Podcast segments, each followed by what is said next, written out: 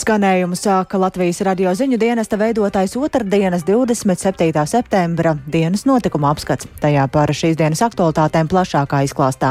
Studijā Dācis Simonoviča, labvakar! Un vispirms par dažiem tematiem. Aizritējusi pirmā no mediķu brīdinājuma streika dienām un arī pikets pie valdības ēkas prasot lielākas algas. Kad varēs pateikt, kad invalīdi varēs Atbildiet tieši un skaidri cilvēkiem, kur ir atnākuši. Arotbiedrība ir, man liekas, pēdējās dienās diezgan skaidri arī parādījusi, ka dialogu nevēlas. To jūs nevēlaties, nevis mēs. Arotbiedrība Nemelojiet. Aizdomas par sabotāžu gāzes vadu Nord Stream un Nord Stream 2 noplūdēs. Trīs noplūdes, bet ar zināmu attālumu starp tiem, un tāpēc ir grūti iedomāties, ka notiekošais ir nejaušība. Vairākos Latvijas pierobežas novados izsludinās ārkārtējo situāciju Krievijā sāktās mobilizācijas dēļ. Tikmēr Krievijas iedzīvotāji turpina bēgt no valsts. Krievija neprasīs valstīm izdot no mobilizācijas bēgošos. Arī par to turpmākajās minūtēs.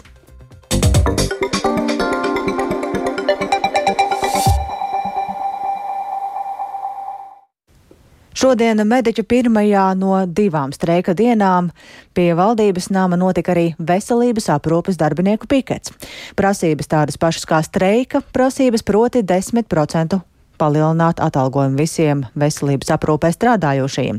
Un, lai gan pikets ilgu stundu un salīdzinoši mierīgi, neiztika arī bez asākām vārdu pārmaiņām par to visu plašāk Kristaps Feldmanis. Ar aplausiem sagaidot un pavadot dažādu veselības aprūpes darbinieku arodu organizāciju un profesionālo asociāciju pārstāvju uzrunas, šodien mierīgi aizvadīts mediķu pikets pie valdības nama.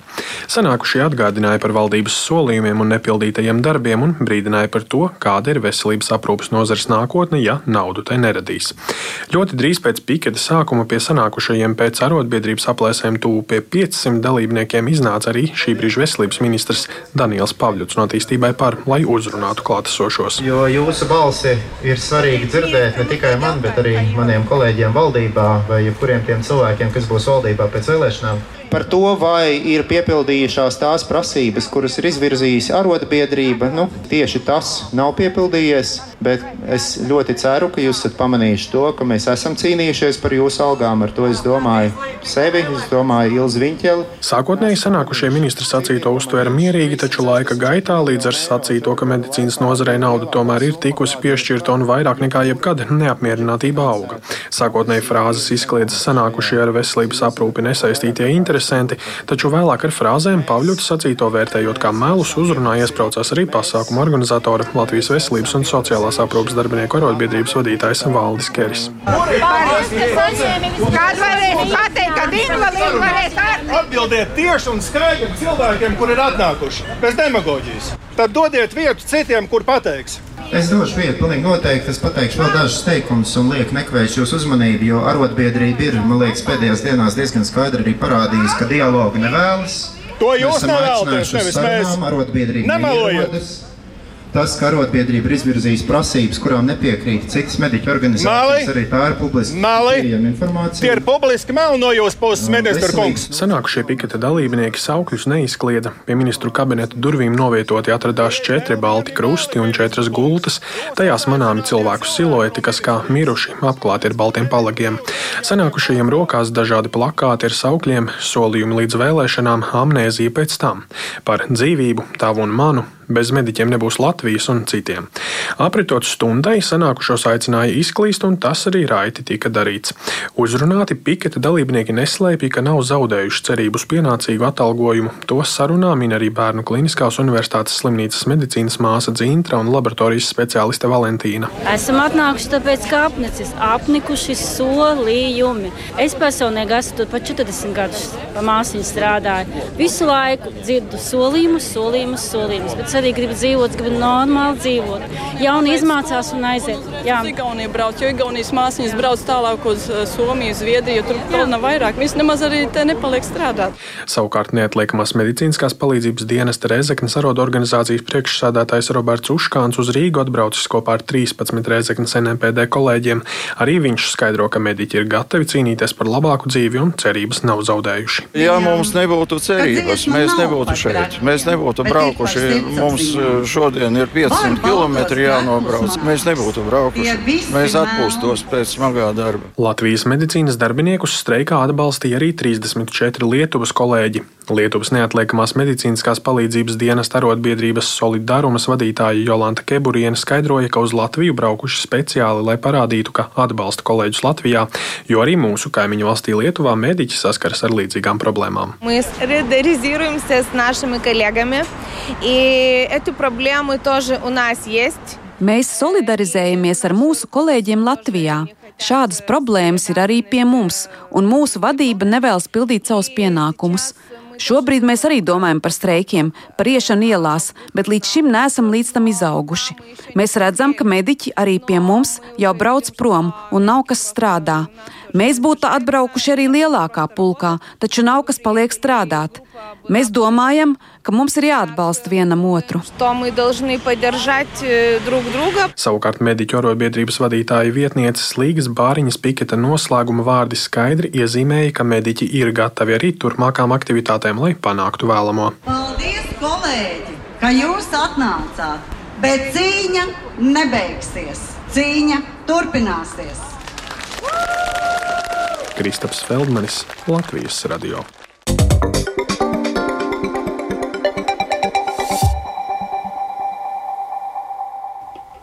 Valdība pieņēma ekonomikas ministrijas rosināto atbalstu elektrības sadārdzinājumam uzņēmējiem un mājasemniecībām, tam paredzot 422 miljonus eiro. Kopā ar iepriekš pieņemtajiem pasākumiem gaidāmajā apkuras sezonā atbalsts pārsniedz miljārdu eiro.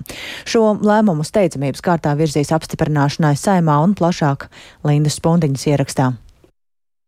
Ministru kabinets šodien pieņēma četrus jaunus atbalsta pasākumus maisaimniecībām un uzņēmumiem energoresursu cenu straujā pieauguma daļējai kompensēšanai. Tie stāsies spēkā 1. oktobrī un ilgs līdz aprīļa beigām ieskaitot. Atbalsts tiks saņemts automātiski. Pirmais atbalsts iedzīvotājiem plāno diferencēt centralizētās siltumapgādes atbalstu.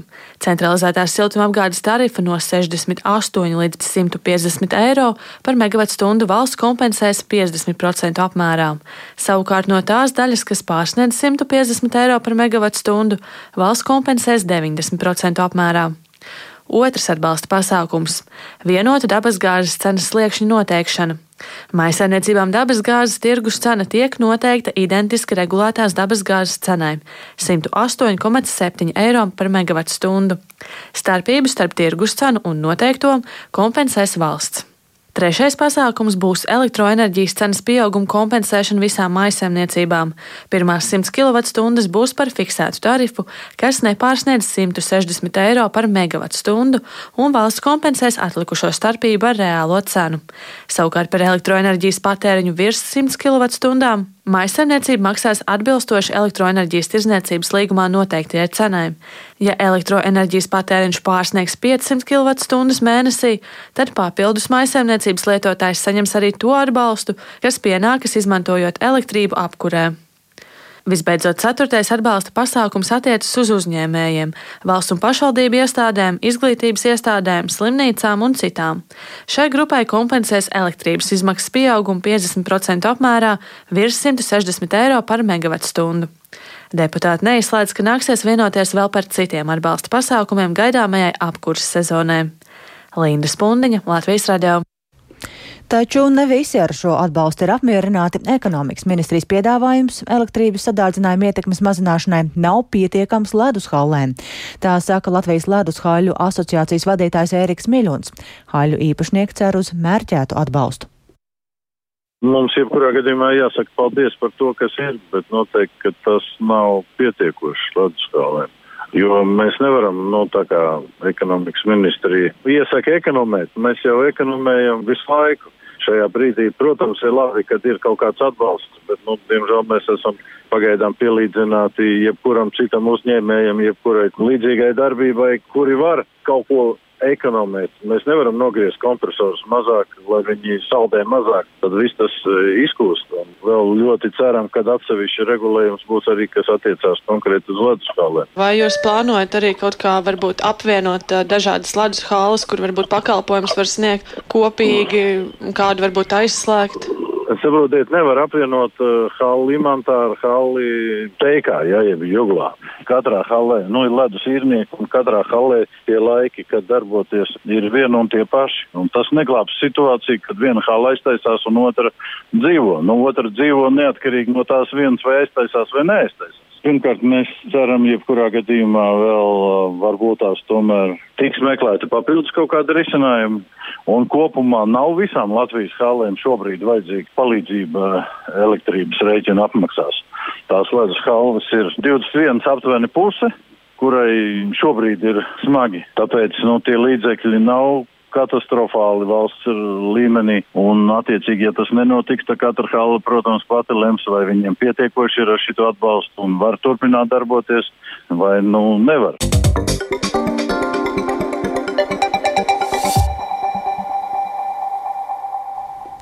Saistībā ar Krievijā sākto mobilizāciju Latvijas valdība vienbalsīgi ir lēmusi līdz decembrim izsludināt ārkārtējo situāciju vairākos Krievijas pierobežas novados un slēgt vienu no robežu šķērsošanas vietām. Atbildīgajiem dienestiem tas ļaus operatīvāk reaģēt nelegālu robežu šķērsotāju pieplūdumu gadījumā. Vairāk Jāņa Kīņš ierakstā.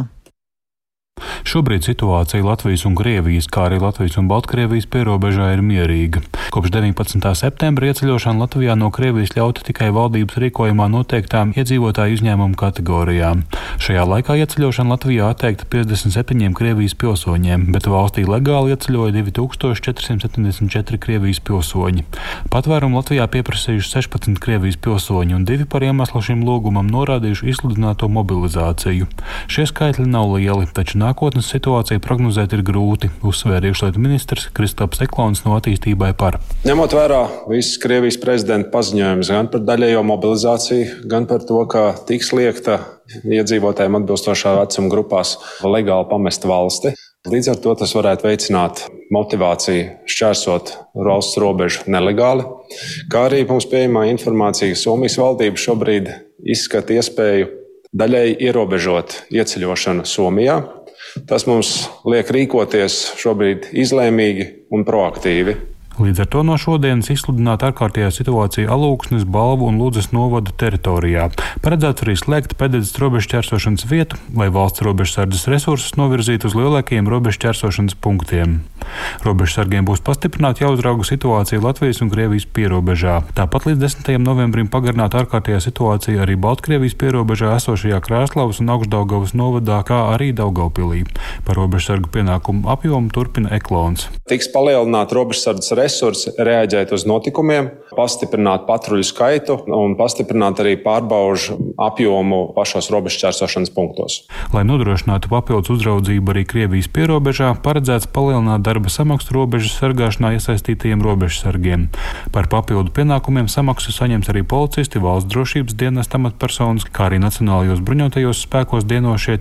Tāpat samaksu saņems arī iesaistītie zemesargi. Ārkārtējā situācijas izsludināšana pierobežā kā vēlam un apstākļiem pārsteidzošu lēmumu vērtē politologs Filips Rajevskis.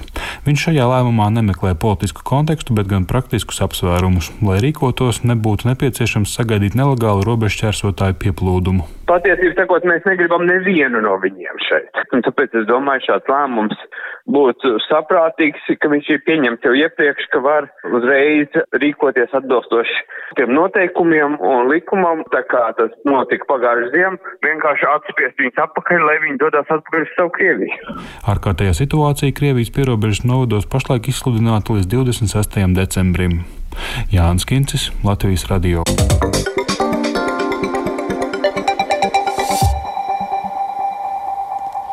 Dānijas varas iestādes gāzes vados Nord Stream un Nord Stream 2, kas no Krievijas stiepjas līdz Vācijai, konstatējuši trīs noplūdes. Neviens no šiem gāzes vediem šobrīd nedarbojas, tāpēc incidenti neietekmē gāzes piegādes Eiropai. Kremļa pārstāvis Dmitrijs Peskovs ir paudis satraukumu par šo situāciju, piebilstot, ka Šī ir bezprecedenta situācija, kas prasa steidzamu izmeklēšanu. Incidentu iemesli nav noskaidroti, bet novērojamas sabotāžas pazīmes. Tā ziņu aģentūrai DPA vēstā informācijas avoti Vācijas drošības dienestos. Ar aizdomām uz notikušo skatās arī Dānija. Turpina Dānijas premjera Mete Fredriksene. Det er usædvanligt, og jeg vil gerne sige, at vi fra regeringens side og fra myndighedens side tager Tas ir neparasti, un es gribētu teikt, ka mēs no valdības un varas iestāžu puses šo situāciju uztveram ļoti nopietni un izmeklējam to ar lielu nopietnību. Mēs to nevaram izslēgt. Pagaidām ir pāragri izdarīt secinājumus, bet šī ir ārkārtēja situācija, tā ir neparasta situācija, un ir trīs noplūdes bet ar zināmu attālumu starp tiem, un tāpēc ir grūti iedomāties, ka notiekošais ir nejaušība. Krievijas iedzīvotāji turpina izbraukt no valsts Krievijas prezidenta Vladimira Putina izziņotās daļējās mobilizācijas dēļ. Tikmēr Krievijas aizsardzības ministrija paziņojusi, ka neprasīs valstīm, uz kurām mobilizējumi aizbēguši, izdot šos cilvēkus. Krievijas okupētajās Ukrainas teritorijās savukārt šodien noslēdzas pseido referendumi. Gaidāms, ka to rezultāti, kas gan jau visiem ir skaidri, tiks paziņoti šonadēļ. Plašāk stāsta Rihards Plūme. Gruzijas amatpersonas paziņojušas, ka Gruzijā dienā ierodas aptuveni desmit tūkstoši Krievijas pilsoņu, kas bēg no iesaukšanas Krievijas armijā. Garas automašīnu rindas joprojām novērojamas pie Gruzijas robežas ar Krieviju. Gruzijas statistikas birojas jūnijā paziņoja, ka pirmajos četros Ukrainas kara mēnešos uz Gruziju aizbēguši gandrīz 50 tūkstoši Krievijas pilsoņu, kas Gruzijā var uzturēties gadu bez vīzas. Lūko stāsta viens no vīriešiem, kas ar ģimeni šobrīd centies nokļūt Gruzijā. Москвы приехали. Стоим с пятницы. Вот, у меня жена осталась на машине. No Maskavas atbraucām, stāvam no piekdienas. Sieva palika mašīnā, es un mans bērns mēs paspējām tikt pāri robežai. Braucam uz Turciju tranzītā. Gribas mierīgu dzīvi, nevis pastāvīgu spriedzi. Напряжение постоянно, каждодневно. Tikmēr Armēnijā pirmajos četros kara mēnešos ieradās 40 tūkstoši Krievijas pilsoņu. Arī Armēnija neprasa Krievijas pilsoņiem vīzas. Armēnija joprojām ir viens no galamērķiem no Krievijas bēgošajiem. Lai izvairītos no iesaukšanas Krievijas armijā, tūkstošiem Krievu devušies arī uz Mongoliju. Cilvēkiem pie robežas nākas gaidīt stundām ilgi, bet viņi norāda, ka tiem nav citas izvēles. Lai gan Mongolijas pilsoņi ir rīkojuši protestus pret Krievijas iebrukumu Ukrainā, valdība centusies palikt neitrāla. Mongolija ir pilnībā atkarīga no Krievijas naftas un gāzes un varētu gūt labumu arī no gāzes vada, ko Krievija plāno būvēt caur Mongolijas teritoriju, lai veiktu piegādes Ķīnai. Kazahstāna, uz kuru arī dodas Krievijas pilsoņi, paziņojusi, ka sniegs drošību Krievijas pilsoņiem, kas bēg no iesaukšanas. Par to otrdien paziņojas Kazahstānas prezidents Kasims Žomarts Tokājevs. Viņš arī nosodīja Krievijas iebrukumu Ukrainā un aicināja respektēt tās teritoriālo nedalāmību. Kopš 21. septembra Kazahstānā ieradušies aptuveni 98 tūkstoši Krievu. Krievijas aizsardzības ministrija paziņojusi, ka neplāno vērsties Kazahstānas, Gruzijas un citu valstu varas iestādēs, lai lūgtu izdot tos, kas izvairās no mobilizācijas.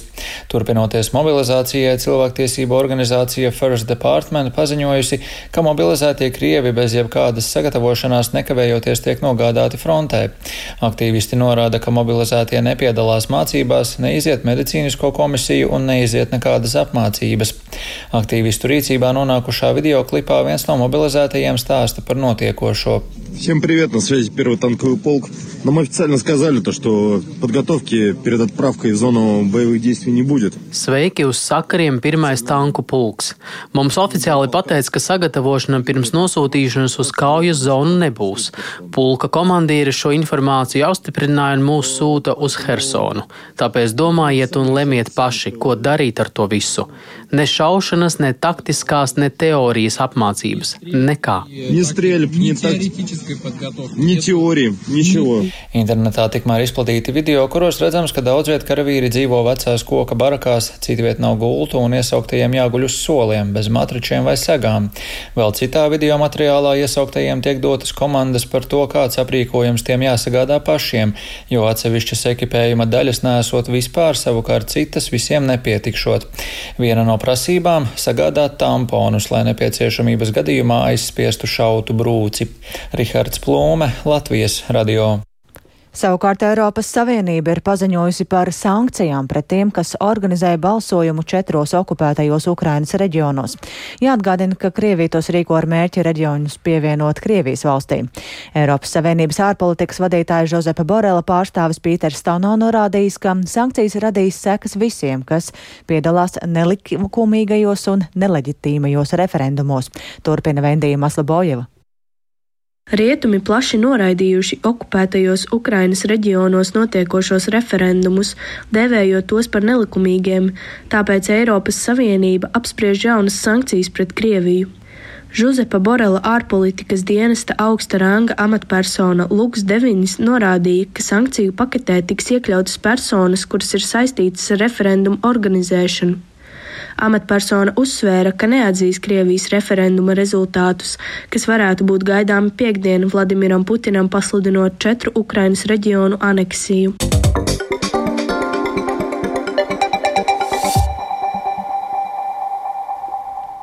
Viņas veidotie portreti rada bezgalības iespaidu. Tā savulaik par izcilās tēlnieces Lējas Dāvidovas medenes veikumu teica dzēnieks Imants Ziedonis. Telnieces aktīvās darbības laiks bija 20. gadsimta otrā puse, un skulptūrālā portreta žanrā viņa bija savulaik līdere. Viņas māksla nepelnīta, sen nav rādīta publiski, bet no to varēs iepazīt izstādē Nacionālajā mākslas muzejā, un tā būs skatāma no piekdienas. Plašāk Bēbas Kušķis ierakstā, kura tikās ar izstādes kuratori Ārtu Vārpu. Mums varas vaļā žalūzijas, Es domāju, ka mums būs daudz eh, skaistāka šī pastaiga, jo jā, tas skulptūras trīs dimensijas viņas vislabāk atklājas tieši dabīgajā apgaismojumā. Redzot, kā darbi izmainās, tiklīdz tos apspīd dienas gaisma, uzreiz kļūst skaidrs, kādēļ tie ir jāskatās pie atvērtām žalūzijām, kā to iesaka izstādes kuratore Arta Vārpa. Izstādē viņa atlasījusi 12 dažādos laika posmos tapušus darbus, kas atklāja gan Lējas Davidovas medenes spilgti individuālo rokrakstu, gan arī viņas stila mainību laika gaitā. Nemainīga gan vienmēr palika viņas īpašā spēja ļoti dziļi sajust katru portretējumu personību, stāstā Arta Vārpa. Viņa prata atrast savu personīgu pieeju katram portreta modelim, un tādējādi viņa izvairījās no kaut kādas tādas formālas darba izpildes, vai varbūt kaut kādas atkārtošanās, vai zināmas vienveidības, kuru var tomēr novērot padomu tēlniecībā.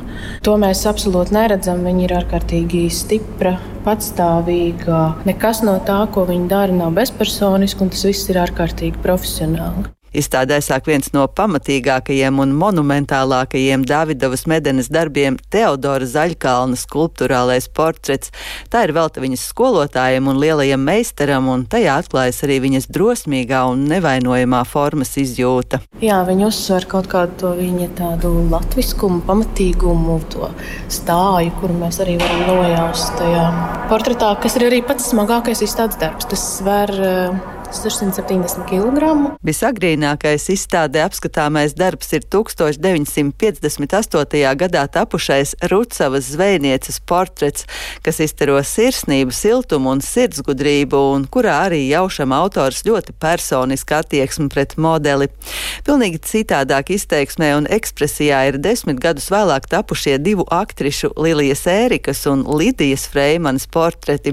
Lilijas Ērikas marmorā veidotais tēls ir izteikts izteikti plastisks un gaisīgs, bet Lidijas Freemans tēlā ir kas nospriegots un viņai kā traģēdijas aktrisē raksturīgs. Te ir tas izteikti pagarinātais kakls, kas arī viņai tieši 70. gados parādās, ka viņa kaut ko raksturīgu nebaidās ārkārtīgi krasi pārspīlēt. Un to kaklu izstiept, es nezinu, piecas reizes garāku nekā tas ir. Bet eh, tas neizskatās ne pēc groteskas, ne pēc pārspīlējumu, vienkārši viņi īsteno to ekspresiju un uzreiz piešķir tādu ļoti spēcīgu emocionalitāti tam darbam. Izstāde tēlniece Leja Dāvidova Medena iekļaujas izstāžu ciklā paudze un Nacionālajā mākslas muzejā tā būs skatāma sākot no piekdienas 30. septembra. Baiba Kušķe, Latvijas radio. Un ar to izskan dienas notikuma apskats. Producents Viktors Pupīks ierakstus montēja Renārs Šteimanis par labskaņu rūpējās Iveta Zvejniece un ar jums sarunājās Dācis Semenoviča. Vēlreiz īsi par svarīgāko aizvērtējus pirmā no mediķu brīdinājumu streika dienām un arī pikets pie valdības ēkas prasot lielākas algas. Aizdomas par sabotāžu gāzes vadu Nord Stream un Nord Stream 2 noplūdēs.